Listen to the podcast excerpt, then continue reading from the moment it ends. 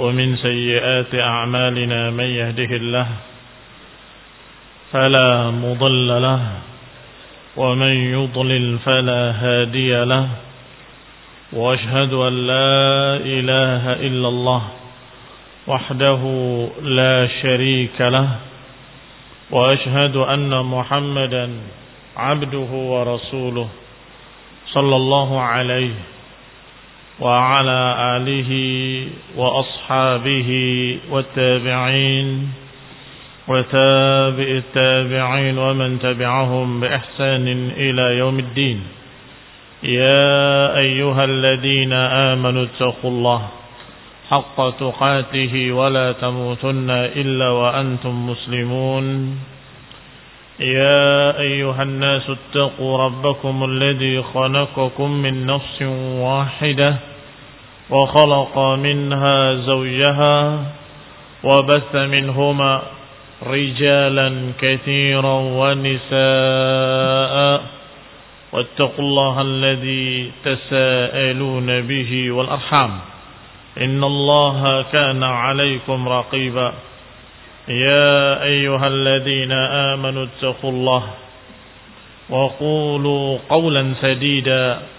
يصلح لكم أعمالكم ويغفر لكم ذنوبكم ومن يطع الله ورسوله فقد فاز فوزا عظيما. أما بعد فإن خير الحديث كتاب الله وخير الهدي هدي محمد صلى الله عليه وعلى آله وسلم وشر الأمور محدثاتها فإن كل محدثة بدعة وكل بدعة ضلالة وكل ضلالة في النار إخواني في الدين أعزكم الله كمسلمين رحمني ورحمكم الله Kita masih pada ucapan Abu Ja'far At-Tahawi rahimahullah, wallahu ta'ala yastajibu ad-da'awat wa yaqdi al-hajat. Bahwa Allah Subhanahu wa taala mengabulkan doa-doa dan menunaikan hajat-hajat para hamba. Sudah dibahas dengan dalil-dalil Allah berfirman Wa qala rabbukum ud'uni astajib lakum. Allah berfirman, "Mintalah kepadaku, aku akan kabulkan." Berdoalah kepadaku, niscaya akan aku kabulkan. Atau kalimat tidak sa'alaka ibadi anni fa inni qarib. Jika hambaku bertanya kepadamu tentang aku, katakan aku dekat. Ujibu da'watad da'i. Aku akan mengabulkan doanya orang yang berdoa dan lain-lain dari dalil-dalil. Hanya saja ada kelompok ekstrim dari kalangan sufi yang menganggap doa tidak bermanfaat. Kata mereka, Allah Subhanahu wa taala menakdirkan segala sesuatu sekehendaknya. Dan Allah Maha tahu segalanya. Maka nggak perlu doa. Allah akan memberikan sesuai dengan kehendaknya. Kamu minta atau tidak kamu minta, Allah sudah menentukan apa yang akan diberikan dan apa yang tidak diberikan. Ikhwani fiddin, a'azakumullah. Kita bantah. Dalam beberapa sisi. Kata beliau, Ibn Abdul Aziz Al-Hanafi rahimahullah, wa jawabu syubhah, jawaban terhadap syubhat ini, yang yamna hasral muqaddimatain yang menganggap hanya ada dua kemungkinan apakah Allah memiliki kehendak atau tidak kalau memiliki kehendak untuk apa kita minta? Allah sudah berkehendak dengan apa yang dikehendakinya. Nggak perlu dipengaruhi. Kalau tidak berkehendak Berarti Allah Subhanahu wa taala tidak memiliki kehendak dan itu bertentangan dengan sekian ayat kata mereka. Kata Syekh Ibn Abdul Aziz Al-Hanafi rahimahullah, mukaddimah mereka ini, ini prinsip dasar mereka, syubhat yang mereka bikin, sesungguhnya bukan cuma dua kemungkinan. Fasamma qismun salis. Di sana ada bagian yang ketiga. Yaitu Allah berkehendak dengan sebab-sebab.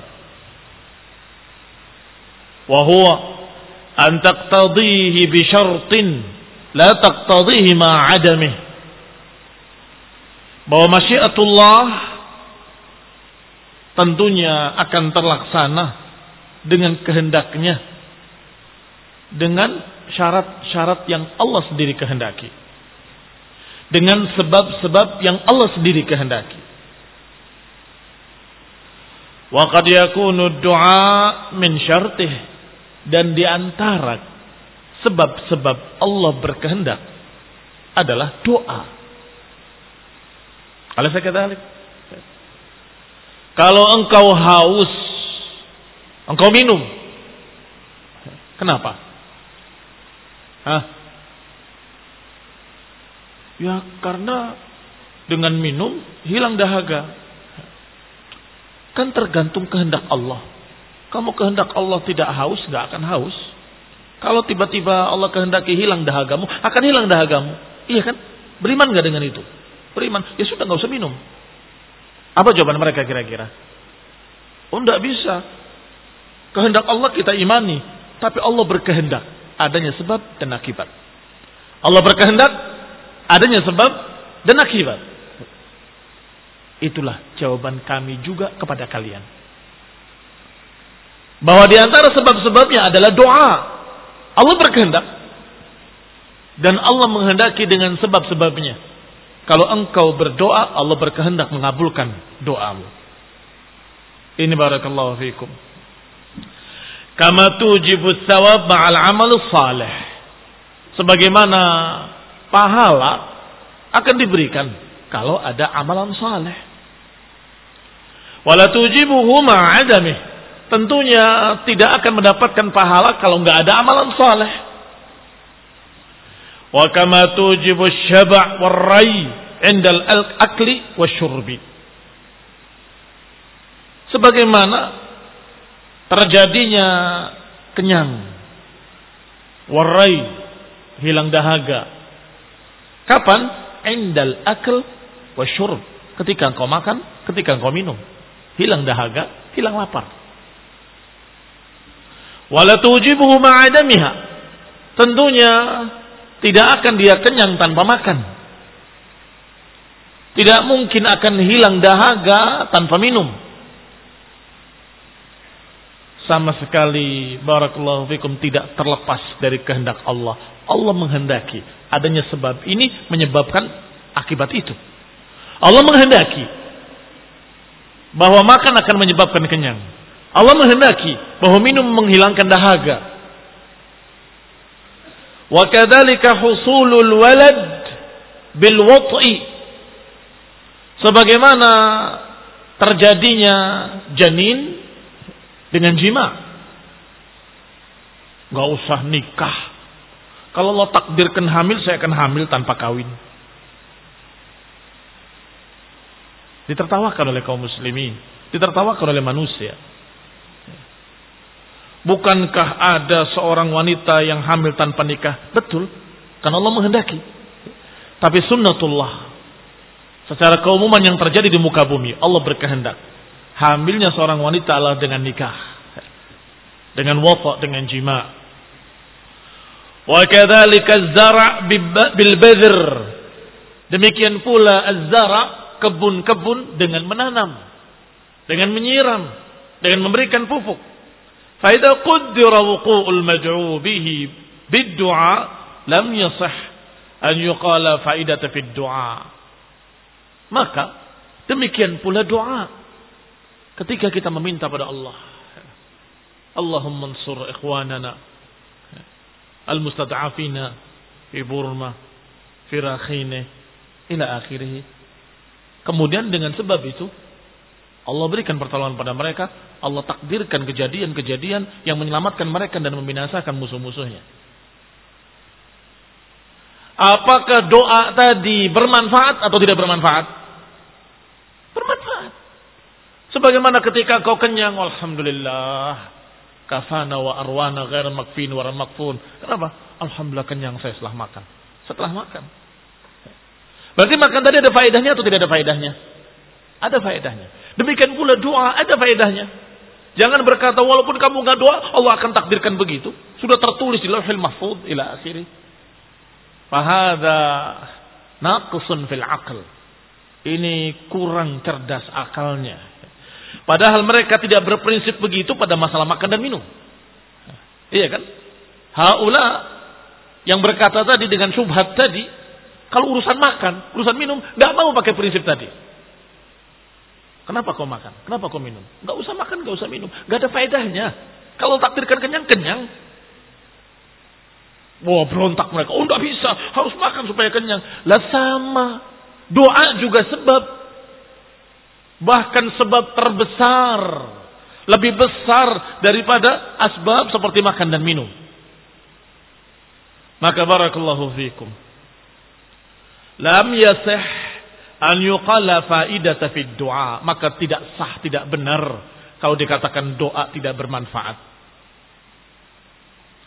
Kama la yuqala faidata fil akli wasyurbi wal badri wasairil asbab. Sebagaimana tidak sah, tidak dibenarkan kalau dikatakan tidak berfaedah makan, tidak berfaedah minum, nggak berfaedah menanam tanaman-tanaman Enggak berfaedah. Ila akhirih. Faqauluha ulai kama annahu mukhalifun lisyara' fahuwa mukhalifun lil hissi wal fitrah. Maka ucapan mereka sebagaimana menyelisihi syariat juga menyelisihi fitrah juga menyelisihi al-his al-hissi artinya adalah perkara-perkara yang berkaitan dengan akal Sebab dan akibat itu hissi. Engkau ucapannya menyelisihi al-his wal fitrah. Wa mimma yanbaghi an yu'lam. Dan di antara yang perlu diketahui adalah apa yang diucapkan oleh sekelompok ulama. Annal iltifat ilal asbabi syirkun fit tauhid. Bahwa mengandalkan sebab-sebab saja itu adalah kekurangan dalam masalah tauhid. Itu kesyirikan dalam masalah tauhid. Wa ma'hul asbabi an takuna asbaban naqsun fil aql. Sedangkan menghilangkan sebab-sebab dan tidak dianggap sebagai sebab itu kekurangan akal. Wal 'anil asbab dan berpaling dari sebab-sebab secara keseluruhan qadahun fi syara' itu merusak agama. Mencacati syariat. Baik, tiga kalimat. Apa kalimat pertama tadi? Hanya mengandalkan sebab itu kekurangan dalam tauhidnya. Tidak sempurna tauhidnya. Yang kedua tidak menganggap perlunya sebab-sebab. Itu kurang akal, kurang sehat akalnya. Dan berpaling dari mengikuti sebab-sebab itu justru kekurangan agama dia. Kerusakan agama. Wa ma'na tawakkul war raja yuta'allaf min wujubit tauhid wal aql syara'. Sedangkan yang namanya tawakal, yang namanya berharap itu tersusun dari tiga perkara. Yang namanya tawakal, bergantung kepada Allah. Yang namanya berharap dari Allah. Yang namanya raja, yuta'allaf tersusun dari tiga perkara. At-tauhid, wal-aql, wal-syara' Akal, tauhid, syariat. Akal, tauhid, syariat atau tauhid, akal, syariat. Bagaimana penjelasannya? Lihat penjelasannya dari Syekh Ibn Abdul Aziz Al-Hanafi rahimahullah. Wa bayanu dhalik. أن الالتفات إلى السبب هو اعتماد القلب عليه ورجاؤه والاستناد إليه. Yang pertama tadi, menyandarkan kepada sebab, itu hanya bersandar kepada sebab, hati ini bergantung pada sebab saja, Walaysa fil makhluqati ma yastahiqu hadha. Ini tidak pantas. Tidak ada makhluk pun yang pantas untuk kita harapkan secara sendirian. Liannahu laisa bimustaqillin. Karena makhluk tidak menyendiri. Ketika kita minum, hilang dahaga. Kemudian kamu mengandalkan hanya sebab saja. Tidak mesti. Ada keterkaitan dengan takdir dari Allah Subhanahu wa taala. Contoh obat. Saya minum obat, sembuh. Alhamdulillah. Wah, berarti obat ini penyembuh. Sebentar. Si fulan minum obat yang sama nggak sembuh? Kenapa ya? Tidak tahu. Mungkin, mungkin. Sudahlah. Jawab dengan tegas. Karena engkau dibantu oleh Allah Subhanahu wa taala sehingga sembuh. Orang tadi Allah takdirkan tidak sembuh. Berarti memang obat ini sebab menyebabkan kesembuhan. Tetapi tidak menyendiri. Ada kaitan lain. Yaitu qada'u wal qadar takdir dari Allah Subhanahu wa taala. Ini hanya asbab, hanya sebab-sebab. Maka siapa yang mengandalkan pada sebab saja, ini gara-gara obat ini saya sembuh, tanpa obat ini saya tidak akan sembuh. Itu kekurangan tauhid. Kurang sempurna tauhidnya. Sebab tidak dengan obat itu, bisa dengan sebab lain. Kalau bukan dengan obat itu, bisa sembuh.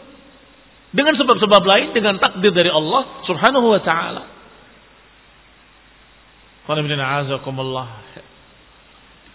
Maka dikatakan li'annahu laisa bimustaqillin karena makhluk-makhluk ini membuat sebab-sebab tidak sendirian. La lahu min syuraka harus ada perkara-perkara lain yang mengiringinya. Wa ma hadza kullih bersama dengan itu semua fa in lam yusakhirhu musabbibul asbab lam yusakhar dan bersama itu semua kalau penyebab seluruh sebab-sebab pencipta seluruh sebab-sebab kalau tidak menghendaki tidak akan terjadi. Yaitu Allah Subhanahu wa taala. Fa in lam yusakhirhu musabbibul asbab. Man musabbibul asbab? Allah Subhanahu wa taala. Penyebab seluruh adanya sebab. Adalah Allah Subhanahu wa taala.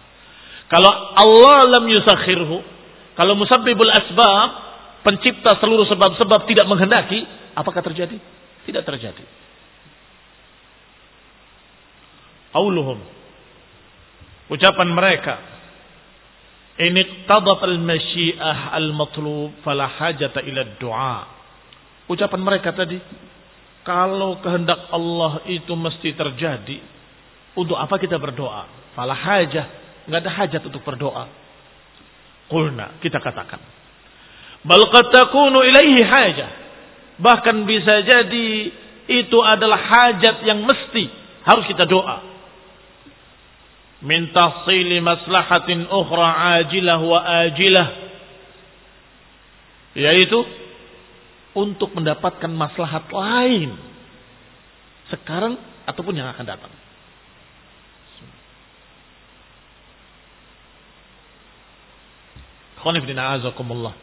Maksud mereka, kamu sudah tercatat ditakdirkan akan dapat yang kamu inginkan.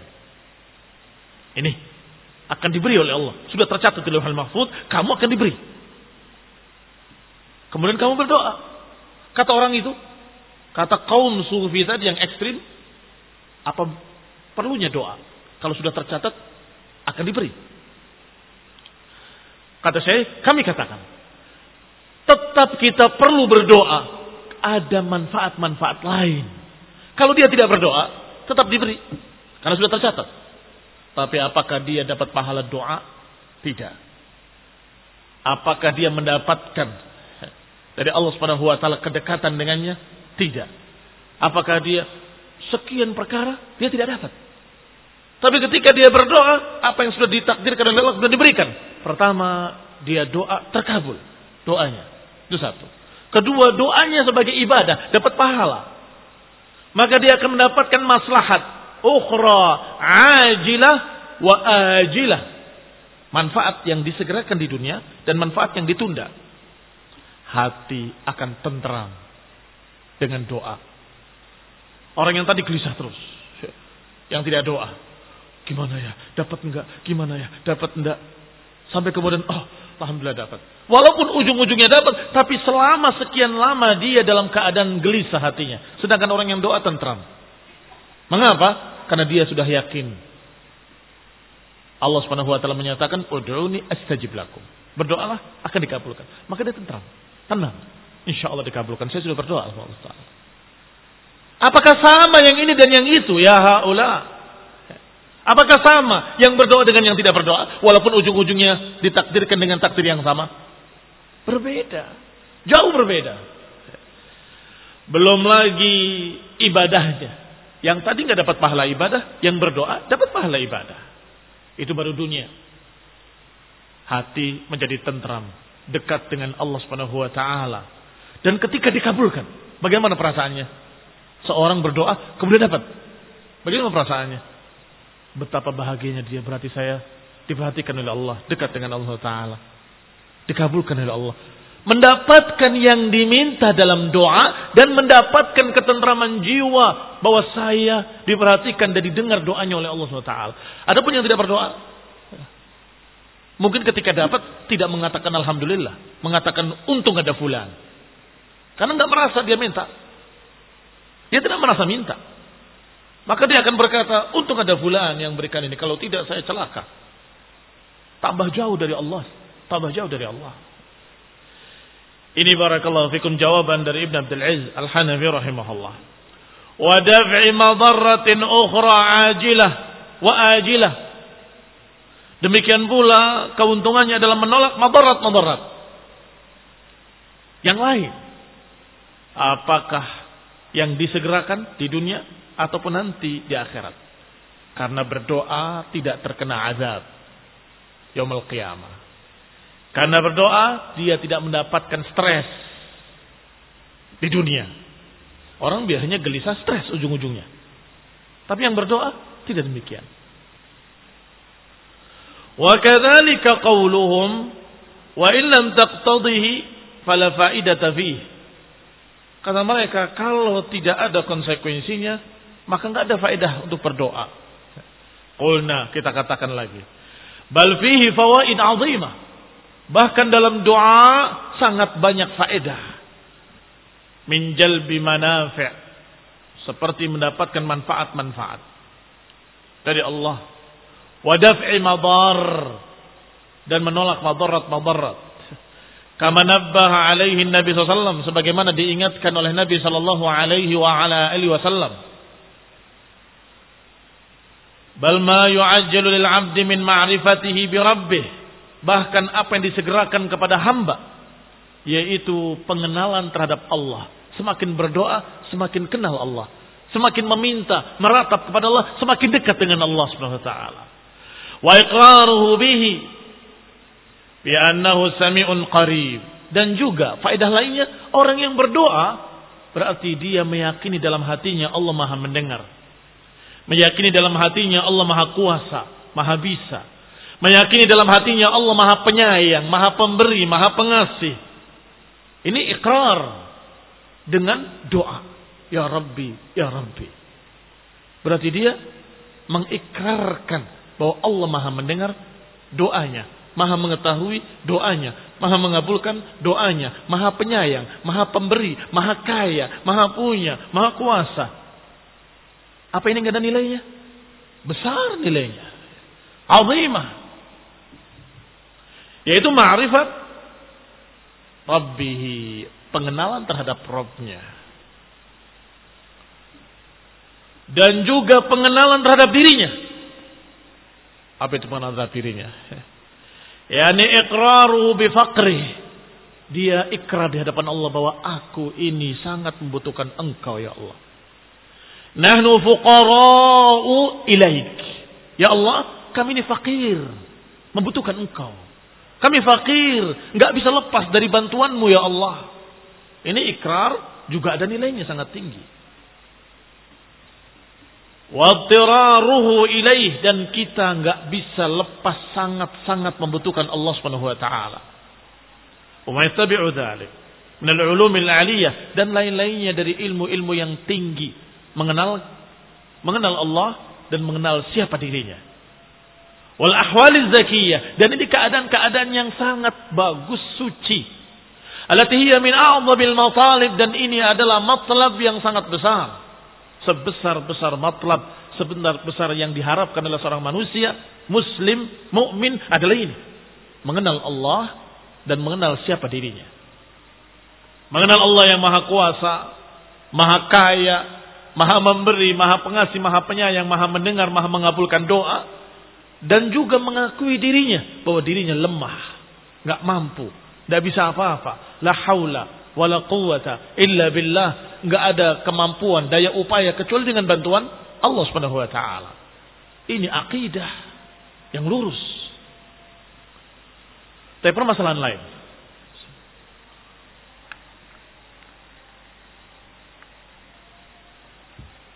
Kalau ada yang berkata, "Idza kana i'ta'ullahi mu'allalan bi fi'lil 'abdi."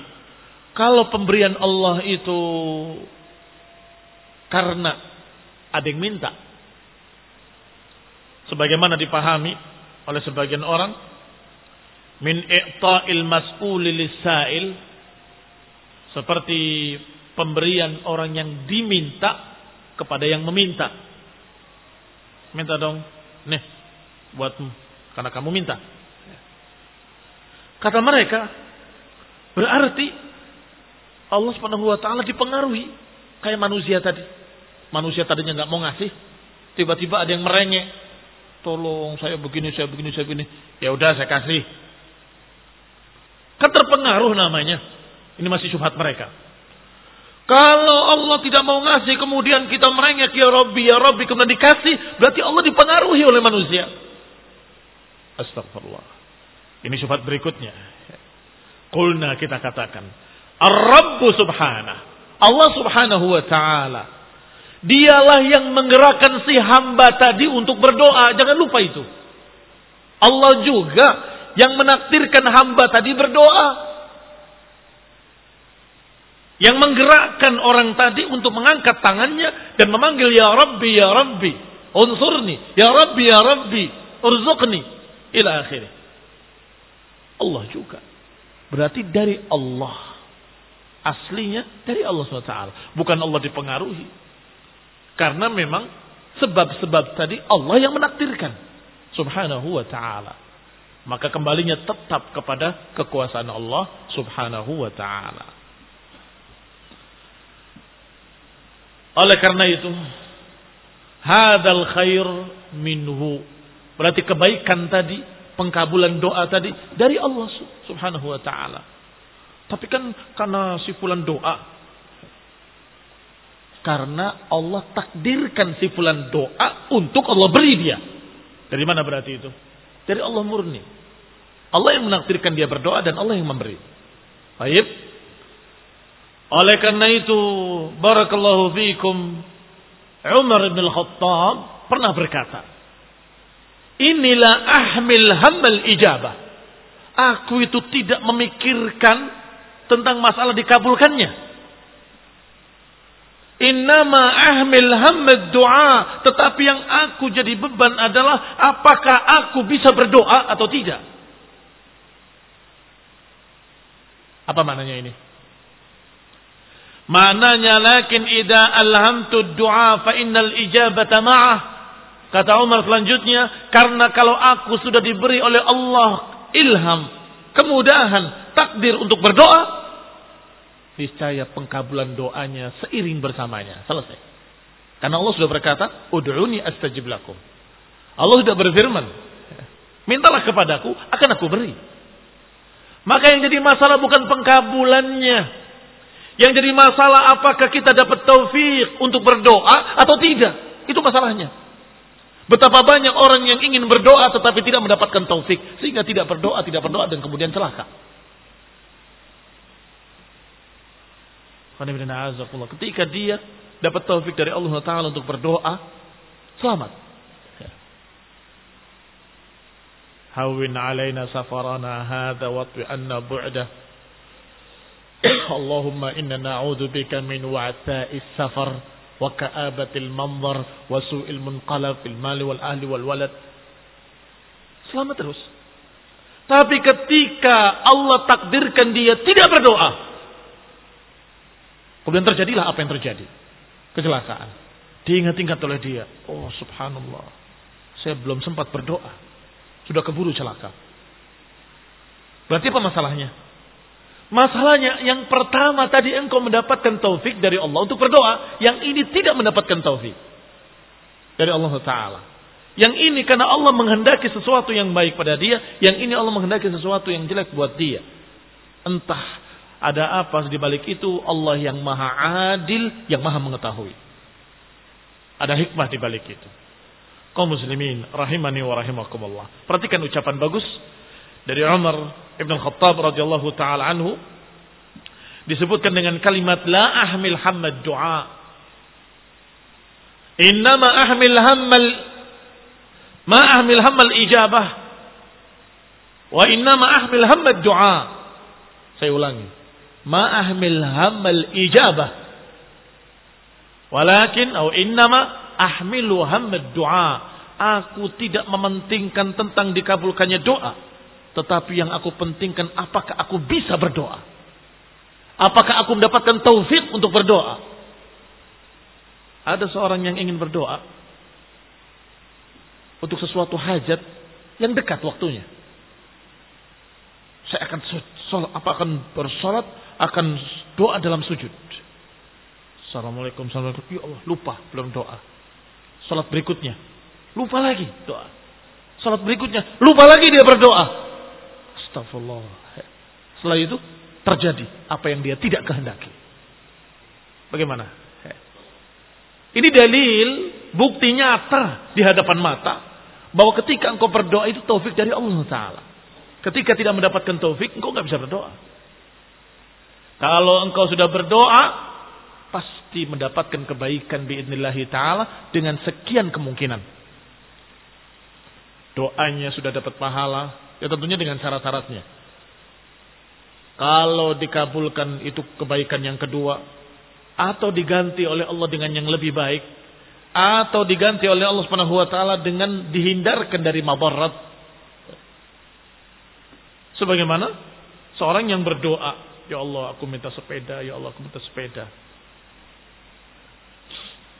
Kemudian tawaran untuk berangkat belajar kepada masyayikh. Berangkat dia. Sampai hari ini dia nggak dapat sepeda. Apakah dikabulkan atau tidak dikabulkan doanya? Bahkan lebih, bukan gak dikabulkan. Karena Allah tahu ketika dia berdoa minta sepeda itu karena dia tidak mau naik bus bercampur laki perempuan. Ikhtilaf. Ya Allah aku harus punya sepeda. Tidak bisa bermaksiat tiap hari. Untuk belajar agama harus bermaksiat. Ya Allah aku minta sepeda. Ternyata yang dikasih oleh Allah bukan sepeda. Ditakdirkan oleh Allah untuk bisa berangkat kepada masyayikh, belajar kepada masyayikh. Selesai. Problem dia selesai. Maka setelah di sana baru dia sadar, ini pengkambulan doa saya. Karena ingin selamat. Ikhwani fiddin, a'azakumullah, kaum muslimin, rahimani wa rahimakumullah. Wa ala hadha qauluhu ta'ala. Dan dengan inilah atau atas yang demikianlah Allah berfirman yudabbirul amra minas samai ilal ardi thumma ya'ruju ilayhi fi yawmin kana miqdaruhu alf sanatin mimma ta'uddun. Allah yang mengatur segala urusan dari langit ke bumi. Kemudian Allah naik maha tinggi. Di hari karena miqdaruhu alfasana.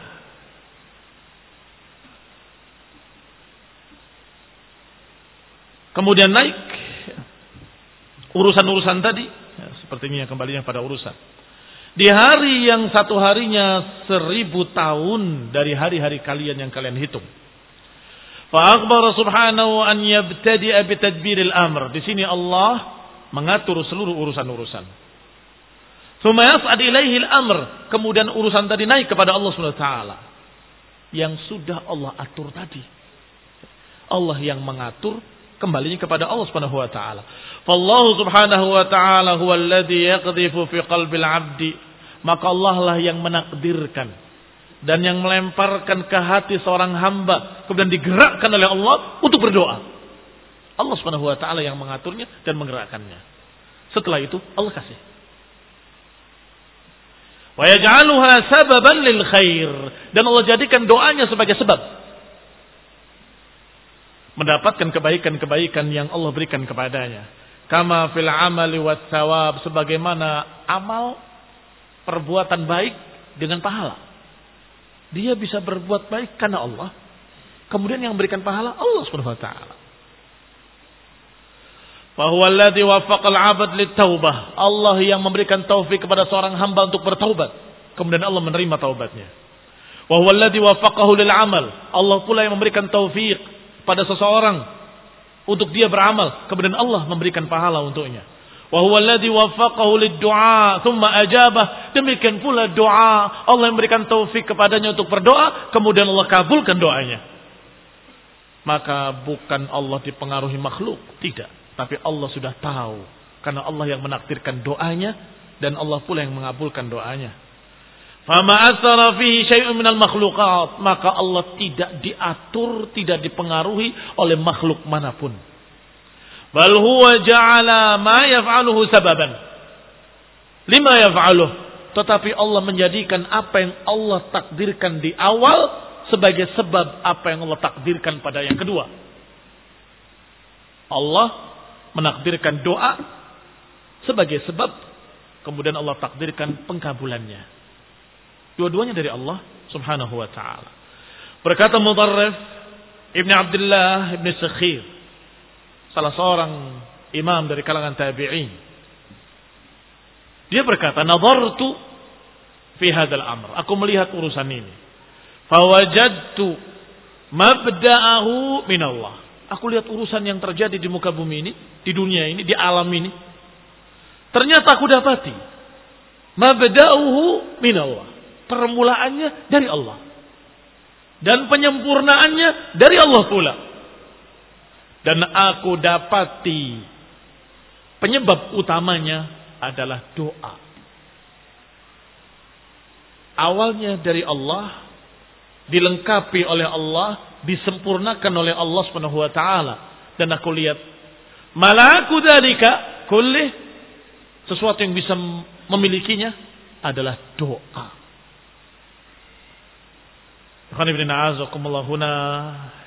Soalun ma'ruf. Ada pertanyaan yang sering ditanyakan. Yaitu kenapa ada yang berdoa kadang dikabulkan. Tetapi ada pula yang berdoa tapi kok nggak dikabulkan. Padahal seakan-akan janjinya, Ud'uni astajib lakum. Berdoalah akan diberi. Berdoalah akan diberi. Tetapi kenapa ada yang berdoa tapi nggak diberi? Ini khonibina azakumullah ada tiga jawaban. Yang dua-duanya hak. Yang ketiga-tiganya hak. Yang pertama, Al-ayah lam tatadamman atiyatus su'al mutlaqan. Bahwa ayat yang menyatakan berdoalah akan kami kabulkan. Itu tidak mutlak. Mengapa tidak mutlak? Karena istijabatu doa berbeda dengan aku beri apa yang kau minta. Itu berbeda. Ud'uni astajibu lahu. Mintalah akan aku beri.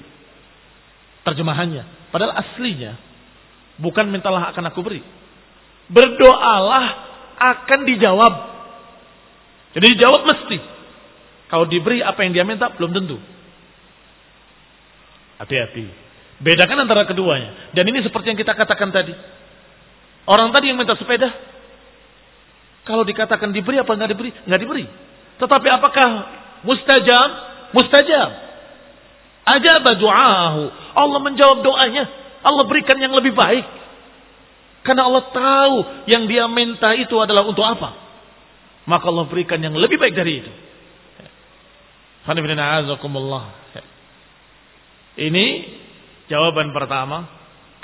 Sedangkan jawaban kedua bahwa yang namanya doa dikabulkan tetapi ada syurut dan mawani' ada syarat-syarat dan ada penghalang-penghalang doa tetapi mengandung unsur pemutusan silaturahmi.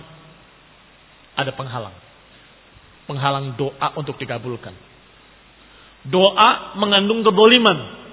Itu doa mengandung penghalang terkabulnya doa yaitu kedoliman tentunya akan dikabul. Berarti harus ada syurut dan hilangnya mawanya. Ini jawaban kedua. Sedangkan jawaban yang ketiga bahwasanya yang namanya doa dikabulkan oleh Allah Subhanahu wa taala sebagaimana disebutkan oleh Nabi Shallallahu Alaihi Wasallam dalam bentuk-bentuk yang berbeda. Kadang Allah kabulkan apa yang diminta, kadang Allah berikan yang lebih baik, kadang Allah ganti dengan menghindarkan sesuatu yang jelek, kadang Allah Subhanahu wa taala menyimpannya untuk nanti yaumul qiyamah. Dan ini akan dibahas insyaallah tiga jawaban ini pada pertemuan mendatang bismillah taala.